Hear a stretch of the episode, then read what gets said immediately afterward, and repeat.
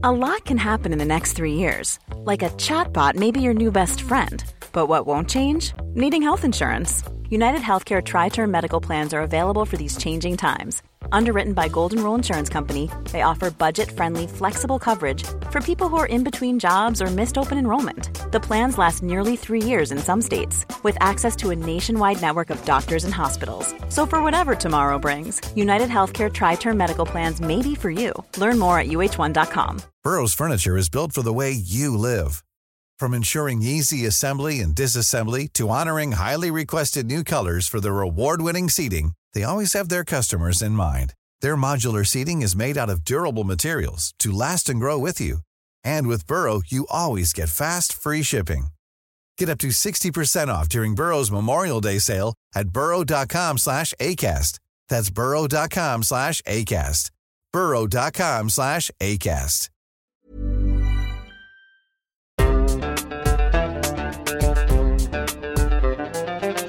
بودكاست صوت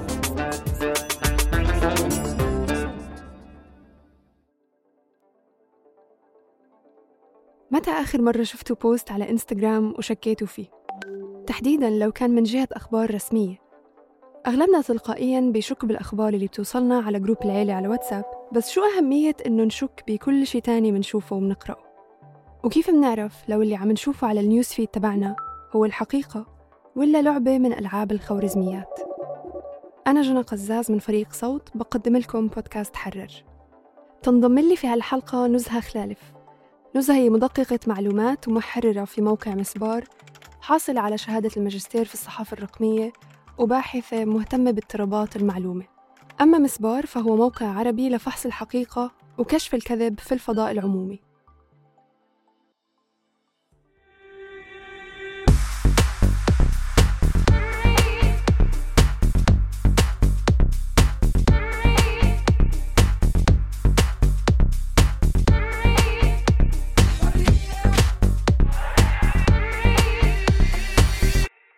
مرحبا نزهة. مرحبا جنى. سعيدة بتواجدي معكم. أهلا فيك إحنا كمان.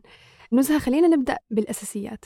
شو أهمية التشكيك فيما نقرأ اليوم من معلومات وأخبار؟ اليوم يعني أصبحنا في عصر ما يعرف بعصر ما بعد الحقيقة أو حقبة ما بعد الحقيقة.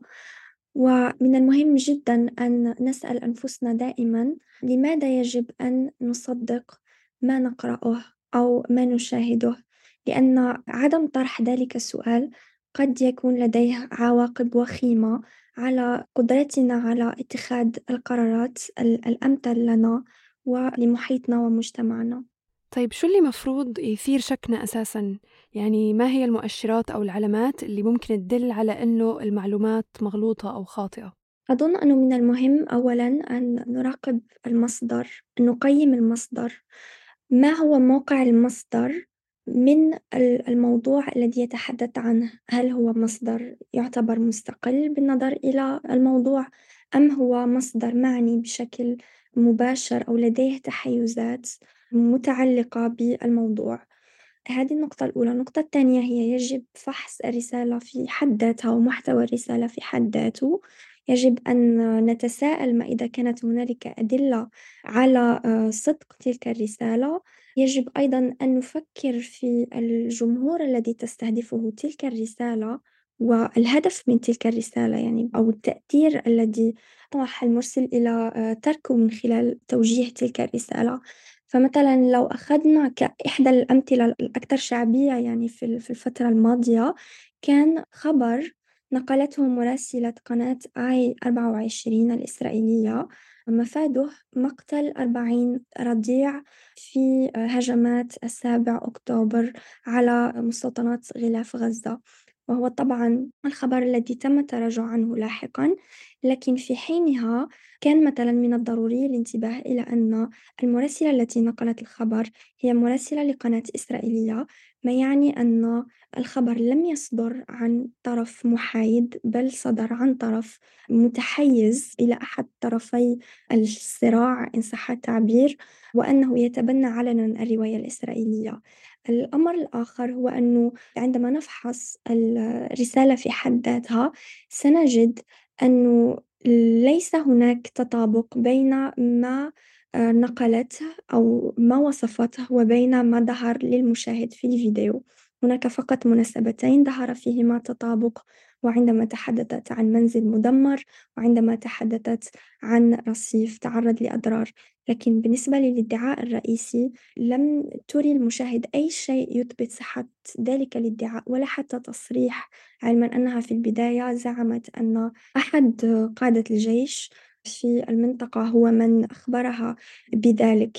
أيضا عندما نفكر مثلا في الجمهور المستهدف سنجد أن أولا القناة أو المذيعة كانت تتحدث باللغة الإنجليزية فهي بطبيعة الحال كانت تستهدف جمهور دولي وأن هدفها في السياق العام أو موقعها من السياق العام هو الدفاع عن الرواية الإسرائيلية والترويج لها. لذلك بالطبع كانت تسعى لربما تضخيم الأحداث للمبالغة لطبع شيطنة المقاومة في إطار التمهيد والتبرير للعنف الذي سيمارس في وقت لاحق ضد الفلسطينيين. ولو بدنا نحكي شوي عن ما هي أساسيات التحقق من المعلومة كمستخدمين أو مشاهدين عاديين. أساسيات التحقق من المعلومة هي جملة مهارات بعدها مهارات لينة وبعدها مهارات صلبة. المهارات اللينة تتعلق أساسًا بأساسيات التفكير النقدي هي أن يطرح الإنسان على نفسه دائمًا سؤال لماذا يجب أو هل يمكنني الوثوق فيما قرأته للتو؟ ما هي الأدلة التي قدمها لي المرسل أو مصدر الرسالة التي يتعين علي بناء عليها تصديق ما يقوله. فمجرد طرح هذا السؤال سيقود صاحبه إلى محاولة العثور على إجابات ومحاولة العثور على الإجابات ستقود إلى بالضرورة إلى المزيد من المعلومات حول الموضوع والتي سيتمكن بفضلها من إما التأكد يعني يقينا من صحة الادعاء أو على الأقل الاقتراب من ذلك من التأكد أو من تقدير ما إذا كان الادعاء يقترب أكثر من الصحة أو آه، من التضليل. بالنسبة للمهارات الصلبة هي مهارات بسيطة جدا في غالب الأحيان لأنه جزء كبير من التضليل الذي ينتشر على آه، مواقع التواصل الاجتماعي ينتشر في شكل صور وفيديوهات والتحقق منه في معظم الأحيان قد يكون بالبحث بكلمات مفتاحية على محركات البحث وصف ما يظهر في الصورة أو في الفيديو لمحرك البحث ومحرك البحث سيتكفل بمهمة إطلاعك على محتوى مواقع التحقق من المعلومات التي قد تكون يعني سبق وأن فحصت تلك المعلومة. ويمكن أيضا استخدام محرك بحث خاص طورته جوجل للبحث فيه حصرًا ضمن آه، مواقع التحقق من المعلومات بعدة لغات، فهنا يعني ستكون نتائج البحث يعني filtered بطريقة تعطي أو مش مش الأولوية فقط وإنما تكون حصرًا يعني نتائج من منصات تحقق. أيضًا يمكن استخدام خاصية البحث العكسي عن الصور للوصول إلى حقيقة الصور والفيديوهات على حد سواء، بالنسبة للفيديو يكفي أخذ لقطة شاشة من الفيديو لإطار آه، يظهر أكبر عدد ممكن من التفاصيل وعمل بحث عكسي عن تلك الصورة كي نصل في معظم الأحيان إلى حقيقتها خاصة عندما تكون قديمة. أحيانا لا تكون هذه الطريقة فعالة دائما لأنه في بعض الأحيان تكون الصورة حديثة أو نشرت مثلا عبر منصات لا تصل محركات البحث إلى محتواها مثلا منصة تيليجرام فعندها سيكون من الضروري أن يتم اللجوء إلى البحث بالكلمات المفتاحية. طيب يمكن إحنا وأحيانًا عم نطلع على النيوز فيد تبعنا أو الصفحة اللي بتطلع لنا عليها الأخبار على كافة منصات التواصل الاجتماعي بنكون مش كتير بوعينا مش ما بنكون عم نحلل بالضرورة. فشو الأشياء اللي مهم نتنبه لها وإحنا عم نقلب؟ بس على الأقل نعرف إنه مش كل شيء عم نشوفه ناخده كما هو وكأنه مسلمات يعني. آه سؤال جميل. الشيء الذي يجب أن ينتبه إليه المتصفح أو المستخدم هو ما إذا كان ما قرأه أو ما شاهده قد أصابه بالانفعال الأمر قد يكون بهذه البساطة هل حرك ما قرأته عواطفك على الفور؟ هل أشعرك بالحماس، بالسعادة، بالغضب، بالحزن أو بالخوف المفاجئ؟ إن كانت الإجابة بنعم فيعني تلك راية حمراء أنه عندما تحرك الادعاءات عواطفنا في العادة يزيد احتمال مشاركتنا لها وعدم إخضاعها للمراجعة النقدية.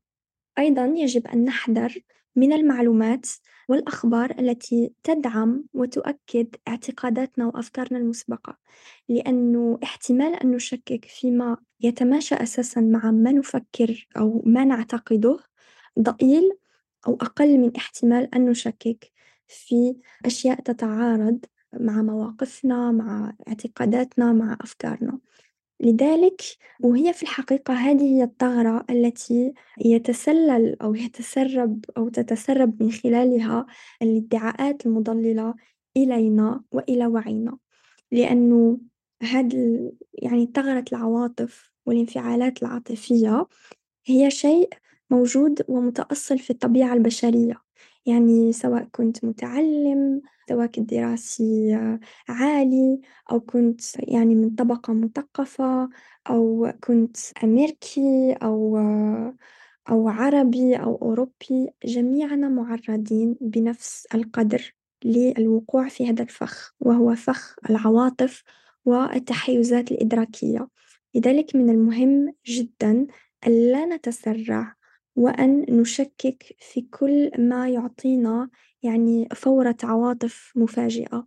وبما أن عم نحكي عن ال social media يمكن من أهم الأشياء اللي بنلاحظها أحيانا إنه آه، يقال إنه ممكن نلاقي حالنا في echo chambers أو في غرف الصدى اللي هي ممكن الخوارزميات تساهم بإنها تحطنا فيها.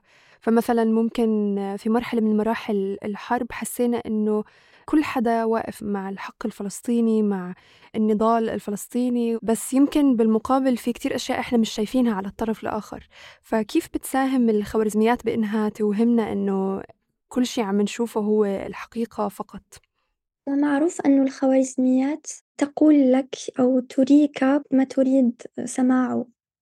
يعني هي معروف أنها يعني تعمق التحيزات فمثلا آه، في في فترة سابقة رُبط ما بينها وما بين ظاهرة الاستقطاب السياسي في الولايات المتحدة، وهي أنه يعني لدينا مثلا قطبين، لدينا الجمهوريون والديمقراطيون، الليبراليون والمحافظون، يتواصل كل قطب أو أفراد كل قطب فيما بينهم ضمن غرف صدى. ولا يتواصلون فيما بينهم فنتيجة لذلك حدث تباعد ونوع من التطرف يعني كل جانب أصبح أكثر تطرفًا لاعتقاداته. ورأينا يعني انفجار أو بروز ذلك على السطح عندما قام أنصار دونالد ترامب باجتياح مبنى الكابيتول في نفس اليوم الذي كانت سيتم يعني المصادقة فيه على فوز بايدن بالانتخابات. عام 2020 فتقريبا نفس الشيء يحدث معنا نحن يعني المستخدمين العاديين في حياتنا اليومية. الخوارزمية عندما تكتشف أننا نميل أو نحب محتوى من نوع ما فهي ترينا أكثر ما يشبه ذلك المحتوى أو ما يتفاعل معه أشخاص أعجبوا أيضا بنفس المحتوى الذي أعجبنا به نحن. لماذا؟ لأنه في النهاية الهدف من وجود الخوارزميات هو ربحي. ربحي بحت لأنه الخوارزمية تريك ما تحبه والمزيد من ما تحبه ليس لأنها تريد إمتاعك أو لأنها تهتم باهتماماتك لا على الإطلاق هي فقط تريد أن تبقيك على المنصة لأطول فترة ممكنة لأن بقائك على المنصة لأطول فترة ممكنة يعني تعرضك لعدد أكبر من الإعلانات وهو ما يعني عائد أكبر لتلك المنصة يعني ببساطة. فأكيد الأكو تشامبرز أو غرف الصدى هي حقيقة رغم أنه هناك من يتحدى هذا الطرح ويقول أنه لا على العكس أنه هي حياتنا ما قبل الخوارزميات أو مواقع التواصل الاجتماعي هي هي التي كانت عبارة عن أكو تشامبرز لأنه التنوع فيها كان أقل بكثير من من التنوع الموجود حاليا بفضل مواقع التواصل الاجتماعي.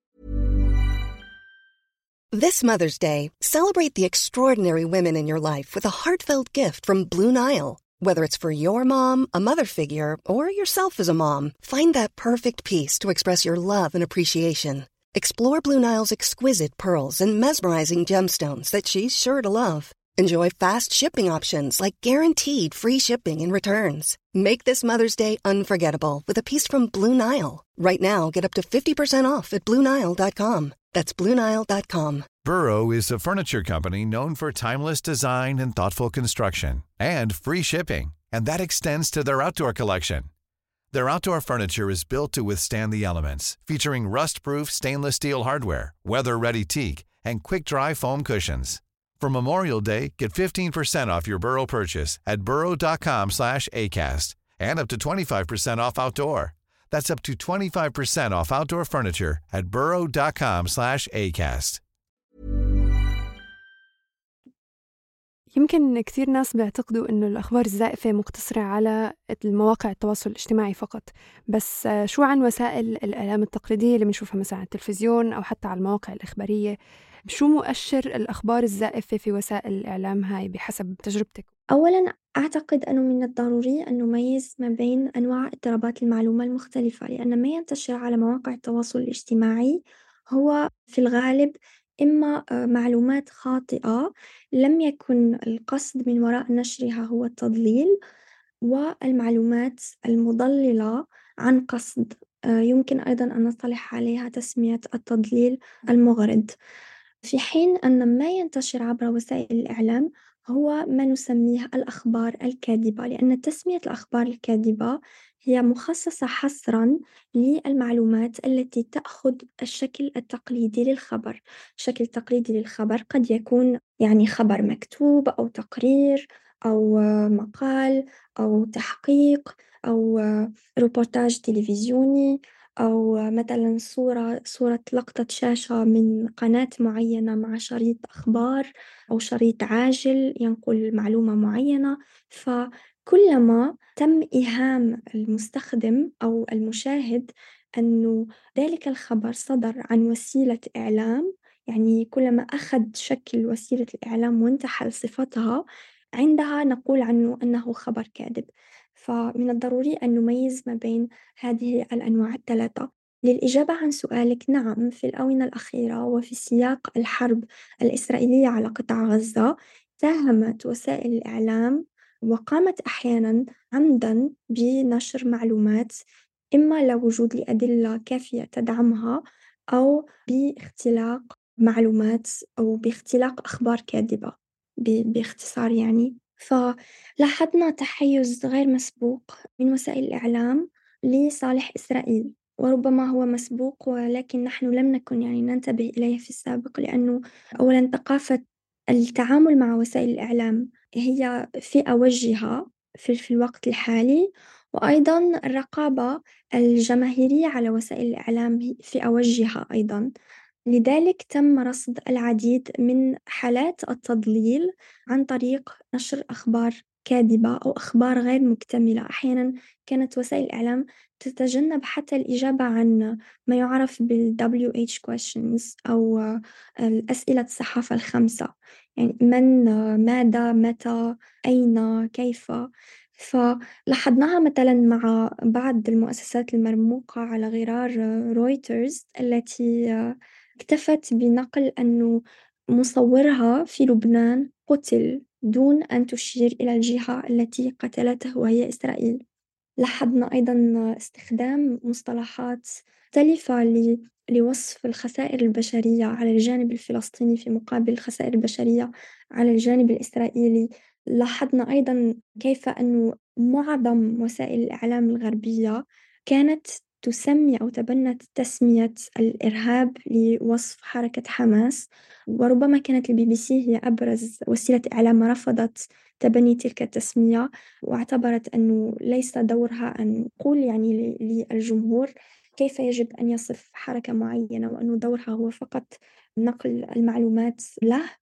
لكن بي بي سي في حد ذاتها أيضا تورطت التضليل فمثلا اعتذرت مرة عندما قالت عن متظاهرين في لندن أنهم متظاهرون داعمون لحماس في حين أنهم متظاهرون يعني خرجوا ببساطة للمطالبة بالحرية وبالعدالة للشعب الفلسطيني وبوقف العدوان ضده. آه، مسبار هو موقع في صلب عمله فحص الحقيقة وكشف الأخبار الكاذبة. فحابة أعرف من خلال تجربتك في العمل كيف بتقيمي الأخبار المصححة من حيث التفاعل قابل الأخبار الخاطئة اللي بيتم نشرها؟ مثلا المثال اللي ذكرتيه قبل شوي عن الصحفية نيكول اللي نشرت شائعة الأربعين رضيع اللي تم قتلهم تم التراجع لاحقا عن الخبر بس زي ما شفنا الخبر المصحح لم يتم تداوله بالقدر اللي تم تداول الخبر الخاطئ فيه. فهذا بيخلينا نتساءل عن مدى جدوى تصحيح الأخبار مقابل الضرر اللي أحدثته أصلا.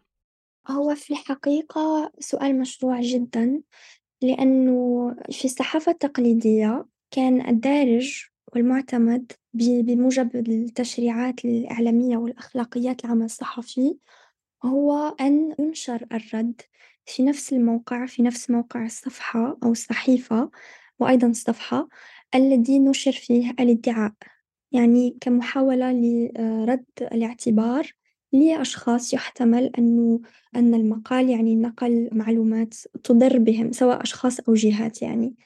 لكن هذا لا نراه على مواقع التواصل الاجتماعي ولا نراه في وسائل الإعلام. فمثلا نجد أنه الخبر أو الادعاء ينشر في شكل عنوان ثم تصحيح ينشر في شكل فوتنوت يعني ملاحظة هامشية.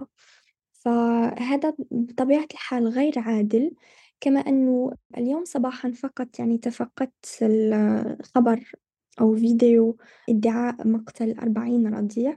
كان لا يزال موجود على تويتر أو إكس فلا المنصة قامت بإزالته ولا القناة قامت بإزالته حتى أو رغم عدم ظهور أدلة تؤكد صحته إلى يومنا هذا. وهذا أمر يعني يدفع أولا إلى التشكيك في مدى فاعلية ميكانيزمات إدارة المحتوى الموجودة في المنصة نفسها. وأيضا في فيما إذا كانت القناة تحترم الالتزامات الأخلاقية التي تؤطر العمل الصحفي في جميع أنحاء العالم.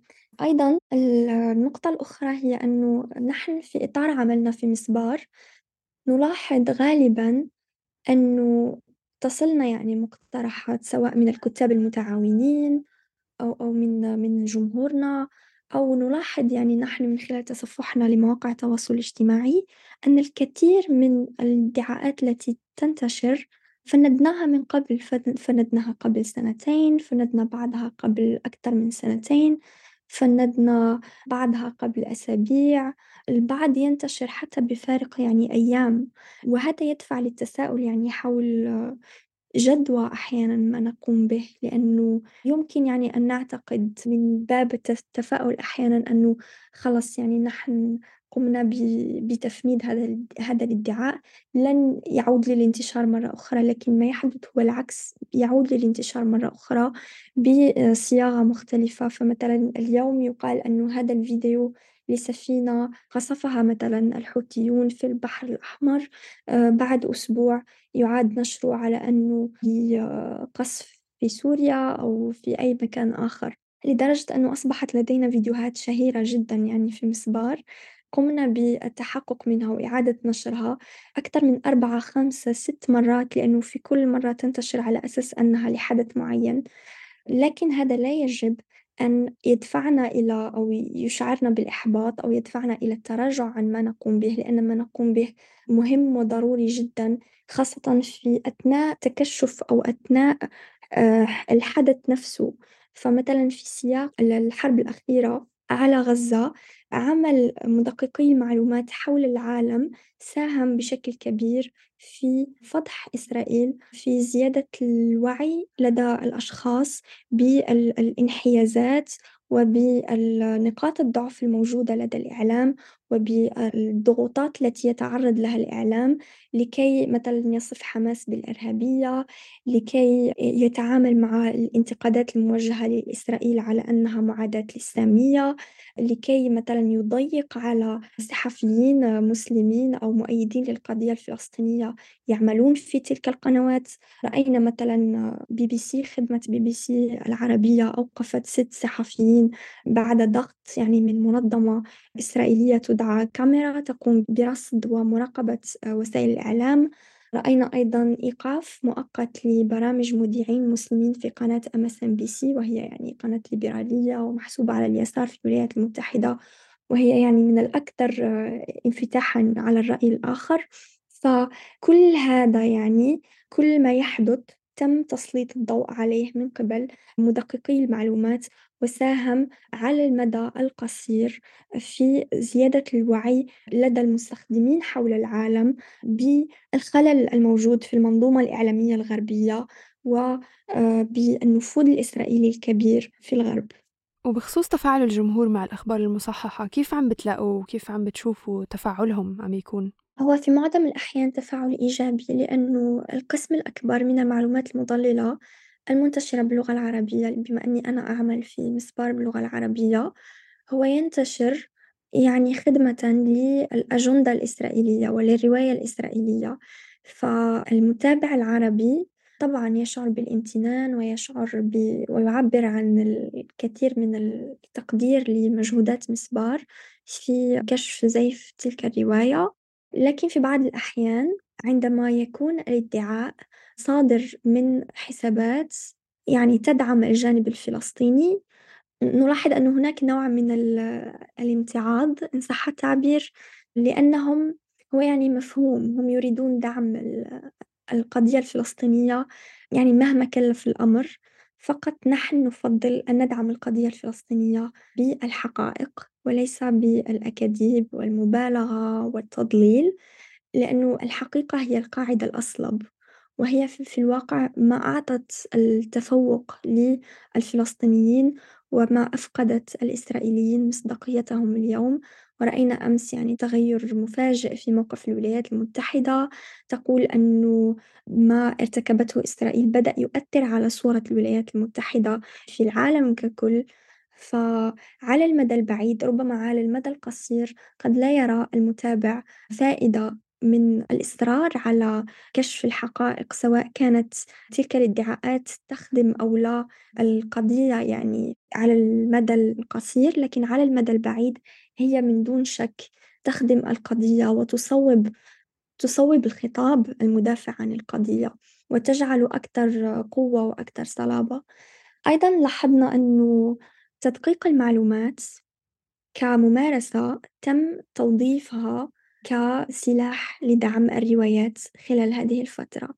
فنجد مثلا أنه صدرت تحقيقات عدها يعني مدققو معلومات باستخدام نفس المواد الأولية وبعدها توصل إلى نتيجة مناقضة وهو ما لا يحدث عادة. يعني عادة يمكن أن تختلف وسيلتان لديهما يعني خطان تحريريان مختلفان. لكن نادرا ما يختلف مدققو المعلومات وهو ما حدث خلال الحرب الجارية على قطاع غزة. أذكر مثلا مثال ما حدث في أو القصف الذي استهدف المستشفى المعمداني وهو ربما راجع على الأقل جزئيا إلى نوع من المبالغة في التفاؤل لأنه مهما كان مهما كانت الجهود المبذولة لكشف الحقيقة أحيانا التحقق من المعلومات أو ممارسة التحقق من المعلومات تثبت محدوديتها يعني.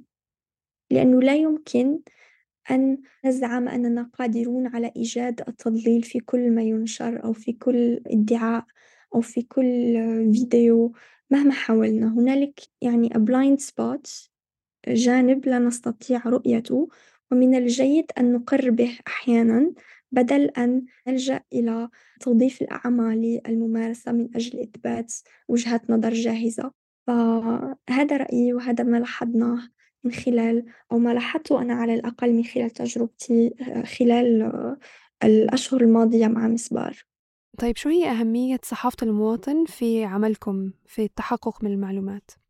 مهمة جدا خاصة في سياق الحروب لأنه مثلا ما ميز هذه الحرب هو أنه لم يستطع أو لم يسمح للصحافة الغربية بدخول قطاع غزة لتغطية ما يحدث هناك. فجميع ما, ما يصل إلينا إما يصل إلينا عبر وسائل إعلام عربية وهي طبعا مؤسسات ولديها خط تحريري ولديها أولويات تحرص على ترتيبها. فيعني هي عملية أو عملية وصول المعلومة إلينا عن طريق وسائل الإعلام العربية المتواجدة في غزة تخضع أو تمر عبر العديد من البوابات. في حين أنه صحافة المواطن وأخص بالذكر المصورون الصحفيون يسمحون لنا أو يوصلون إلينا المعلومة خام كما هي الواقع كما هو دون أي حسابات دون أي اعتبارات تحريرية أو متعلقة بالخط الافتتاحي للمؤسسات.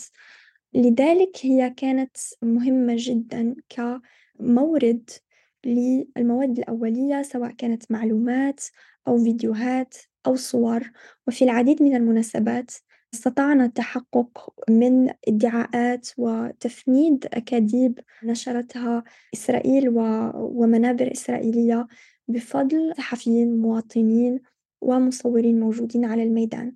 من بعد أبرزها أظن ادعاء كان حول جثة طفل فلسطيني نشرت وسائل ليس وسائل إعلام وإنما حسابات إسرائيلية فيديو لها قالت أو زعمت أنها دمية. وتكرر هذا الموضوع أظن مرتين أو ثلاثة مع في ثلاث مناسبات مختلفة. فبفضل هؤلاء الصحفيين المواطنين الذين نشروا طبعا المقاطع كنا نتواصل مع مصور المقطع وفي كل مرة كان يعطينا بالتفصيل اسم الطفل اسم الأسرة أين تعرض للقصف. ويؤكد لنا أنه بالفعل هي جثة لطفل حقيقي وليست دمية.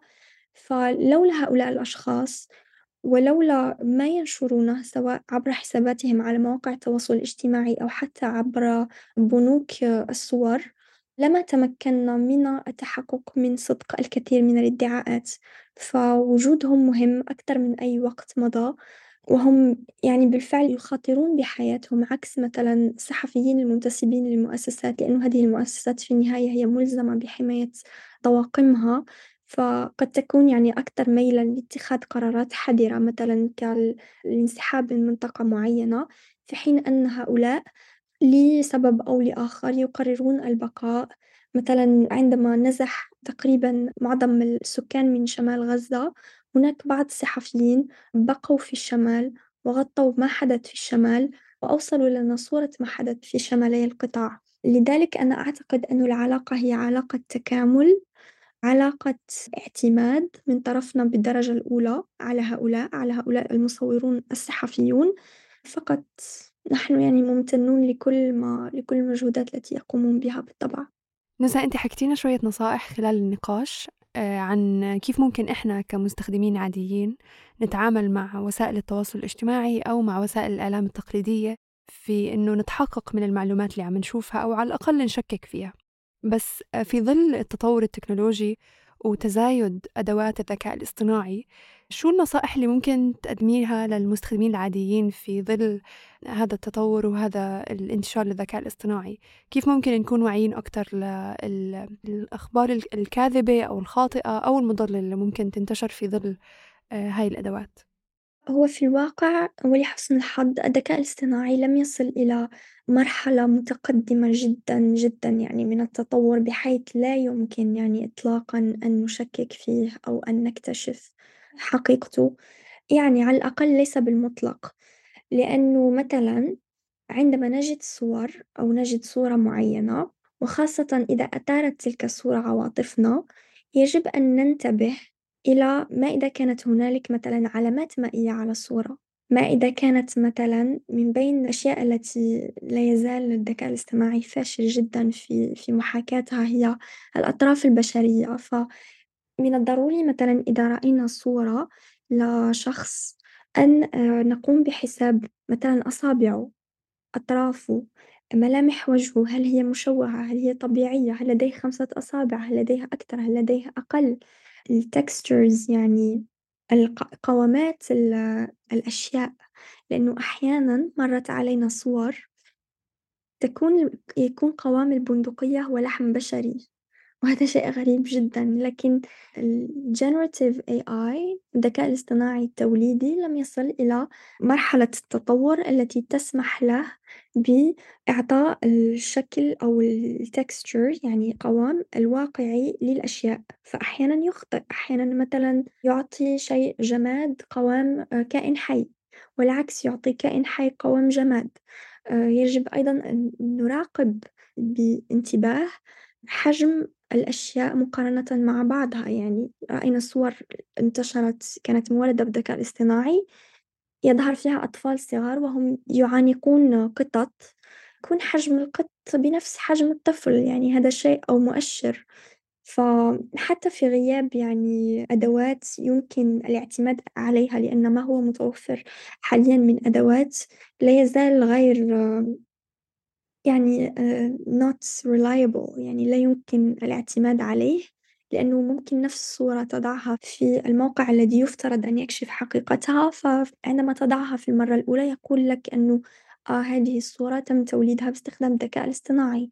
تضعها مرة تانية بعد خمس دقائق يقول لك لا هذه الصورة ملتقطة ب يعني صورة حقيقية التقطت باستخدام جهاز أو أو كاميرا أو هاتف.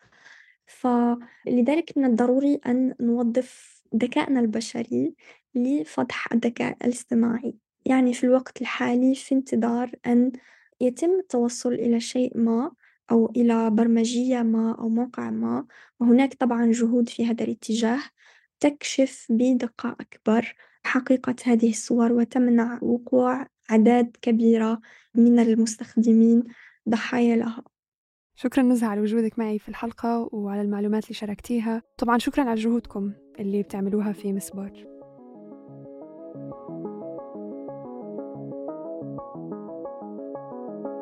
هاي الحلقة من بحث وإعداد رند خضير مونتاج حسام علي وكنت معكم من الإنتاج والتقديم جنى قزاز. بودكاست حرر من إنتاج صوت.